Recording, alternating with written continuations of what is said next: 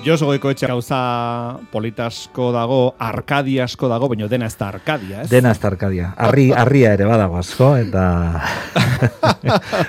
lur zoru gogorrak ere bai. Bai, bueno, galdera batekin zatoz gaur, zer da arkadia? Bai, arkadia, arkadia, bueno, askotan da egon nahi dugun tokia, ez da? Arkadia atxerik gabe idatzita, eh? egon nahi dugun tokia. Arkadia zen, eh, bueno, eta da Greziako lurralde bat, mendebaldeko kulturak ba, leku idiliko batekin lotu duena, ezta? Artzainez beteta eta bueno, lako leku idiliko zoragarri bat.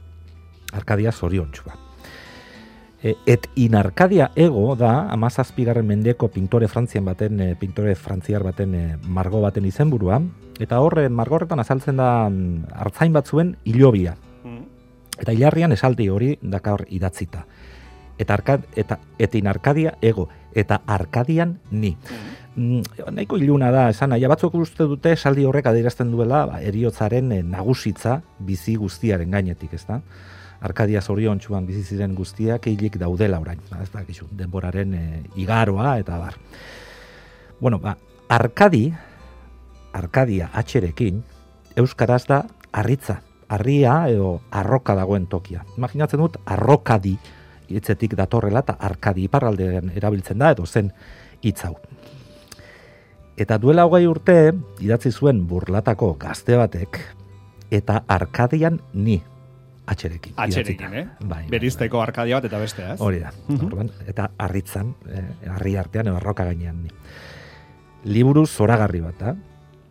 fina, kultua, mhm. oso ironikoa, ez beti, baina askotan bai, bikain idatzia, eta benetan, harrigarria, hogeita lau urteko gazte batek idatzi ezateko. Eta Arkadian ni liburuan Angel Erro, porlatako Angel Erro idazleak, idazle itzultzaileak, poetak, Grezia eta Erroma zarretako literatura klasikoak hartzen ditu eredutzat, bere poemak, eun eta bat epigramak eta eglokak idazteko. E, epigramak dira olako ziri bertso modukoak, bertso oso laburrak, bai. e, poema laburrak, ironia edo, bueno, askotan erabiltzen du e, errok bere poemetan, baina ez beti. Eh? bertso minak ere baditu, maite minduak ere bai. Eglogak berriz dira ba, hartzainen arteko elkarrizketa moduko batzuk e, poema forman idatzitakoak. Nik gaur epigrama horiek irakurriko ditut, batzuk laburrak dira eta bat mm, mordoska bat irakurriko ditut, ados, ados bazaude. Vale, hogeita lau urte zituen, eh? Angel Erroka idatzi zuen. Eh? Hogeita lau urte. urte. Vale. Amargarren epigrama oso ezaguna da, eh, manu, literatur munduan nola baita esateko, e, behar bada liburu honetako esaldirik e, famatuena dakarrelako. Topiko ezagun bat dauka azpian, e, nil nobun subsole ezaguna egiten zaizu. Bai, bai, bai. Ez dago ezer berririk eguzkipean. Dena esana dago. Mhm. Baina horren kontrako arrapostua dauka Angel Errok. Alaxe dio.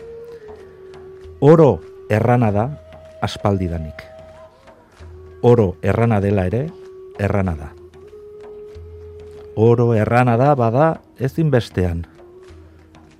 Oro errana da, baina ez nik. Hori da, dena esan dago, baina ez nik, ez nik esan. Hora, gazte baten arrokaria, ez da? Zuek dena esan duzu, baina nik badu. Nire esateko modua, eta esateko daukadana, nire agotik, eta hori oso dago. Uste dut, Madrilen ere idatzi zutela, holako, ez dakit metroan jarri zuten, eta famatu egin zen, argazki bat, eh. eta esaldi horrekin, ez da? Bueno, hogeita baigarren epigramak poetak liburan zehar sarritan ageri duen eh, alako alke bat, lotxa bat, eh, ezina erakusten du, eh, bazutan bizitzaren aurrean, zoriontasunaren alde borrokatzeak eh, dakarren nekeaz diardu poema honek. Eh? Mhm. Zego horra, ez da, beti bai. zoriontasunaren alde eh, horren bila borrokatu beharra. Alaxe dio. Bide bazterrean eserita, zoriontasunaren bila ez ibiltzeagatik errudun sentitzen zara. Eta zaharra nahi duzu izan, zure kontzientziari adinaren zama alegatu ahal izateko. Baina bizitza horrean dauka, gazte honek eta bai. zoriontasun horren bilagin barko du. Bueno, askotan poeta klasikoek bezala, e, izen bat darabil errok, e, ba, Kasta, Auluario, Paulo, eta ari hitz egiten dio, ez da, zuzenean, bigarren pertsona. Kasu honetan, kraso izenari mintzatzen zaio. Kraso. dio, kraso bai. Kraso, kexatzen zara eta arrazoiaz, maitasun azokan egokitu zaizula parterik txipiena, desiratzen dituzun neskek zure begiradei ez dietela erantzuten, ez zure bertsoei ere. Etxitua, jan egiten duzu, kondenatzen zaituenak zaitu kontsolatzen. Haure polita da, eh? Oso bolita da. ba? Neskek ez zaituzte begiratzen eta orduan zuk txokolatea gaten duzu. Hori da, hori da, oso oikoa. Eta Arkadian ni, ne, liburuan bada baita ere, bueno, eta Arkadian ni liburua bada baita ere poeta maitemindu eta desiratzaile baten eh, liburua. Maitasun homosexuala, kan eta hemen e, zipristetzen ditu poema hauek, desira, begira da, oso garrantzitsuak dira liburu honetan. Adibidez, soldadu batekin eh, duen enkontrua poetak. Biluz gaitezen eta elkarren kontra jardun jo eta zu lako soldadu prestua etxigabe.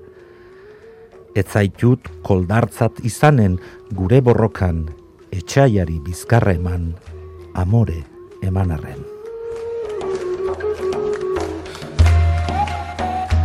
Edo beste hau, mundu klasikoko termak, Mhm. eta nik uste dut burlatako aldagela batzuk lotzen dituena. Mundu klasikoko termak, Greziako termak Grezia edo eta- Romako termak, e- eta burlatako aldagelak. zan dezagun. Niram, behar bada izen fiktizioa da, eta niram izeneko mutil ederra eskultura batekin nahasten du errok. Hau da poema, pixka luzeagoa da, zoragarria daukan eh, formagatik, eta ematen dion bukaran, ematen dion bueltagatik.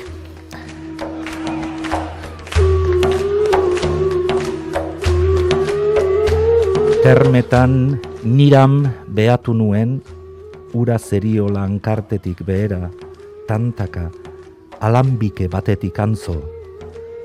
Enuen hain bilotxu gogoan, besoak, izterrak, oro zen forma zorroza. Bular eta sabelaren diseinu arautua, ezoiko aragi puska ez ahalgetua, aipatu arren oraindik orain. Burlatako termetan behatu nuen, ezin jakin ez zenbat denboraz ez zilegi zenentz, harik eta oinez zebilelako harritu nintzen arte.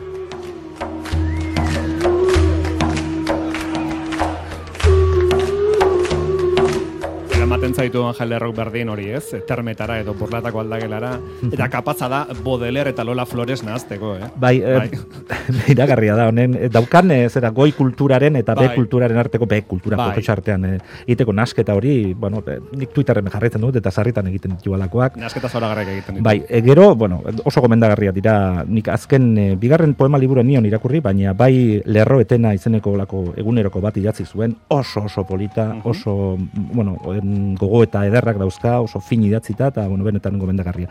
E, lastima da, hogei urte hauetan, ba, hain gutxi idatzi izana, publikatu izana, nik espero dut, e, idazten ibiliko dela, eta laster Mhm. izango da bere bestele laren bat. Bueno, amaitzeko, Manu, dola deritzozu, Azken aldian irakurri duan esaldi ederrena daraman poema, ez dakit eh, bere esan nahia zehatz zehatz zein den, baina bueno, beretan txunditu egin nau, eun eta batgarren epigramakoa, azken epigramakoa da. Esaldi hori da, gure izena dakien erdoiak, gure izena dakien erdoiak, orain ezpatetan egiten du lo. Bueno, gainera poema honetako azken bertsolerroak ematen dio izenburua liburuari, eta arkadian, atxerekin, ni.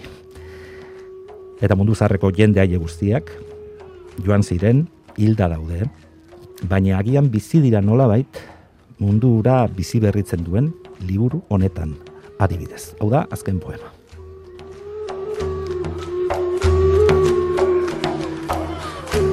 Gure izena dakien erdoilak orain ezpatetan egiten du lo, baina batez ere begiradetan.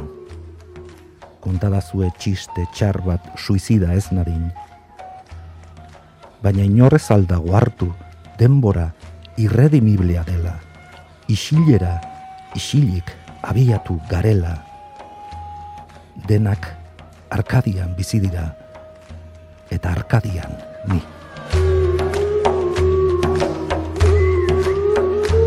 Josu, nola daba, e, nola daba, eh, Angel Errori irakurri diozuen esaldi hori, harrapatu zaituena, nola daba? Gure izena dakien erdoilak orain ezpatetan egiten dulo. Angel Erro. Bueno, ba, bide batez, besarka ondi bat Angel Errori, segura aspaldiko laguna da, eta hemen askotan kolaboratu izan du Angel, Angel Errok, eta gero ba, berrian irakurtza ditugu bere, bere zutabeak. Eh? Fruta, egunero. Hori da, hori da. E, Angel Errori gaurre zera egin diogu tartea, astelen poetikoetan. e, Josu, besarka da, turrengo astera arte. Berdin, Manu.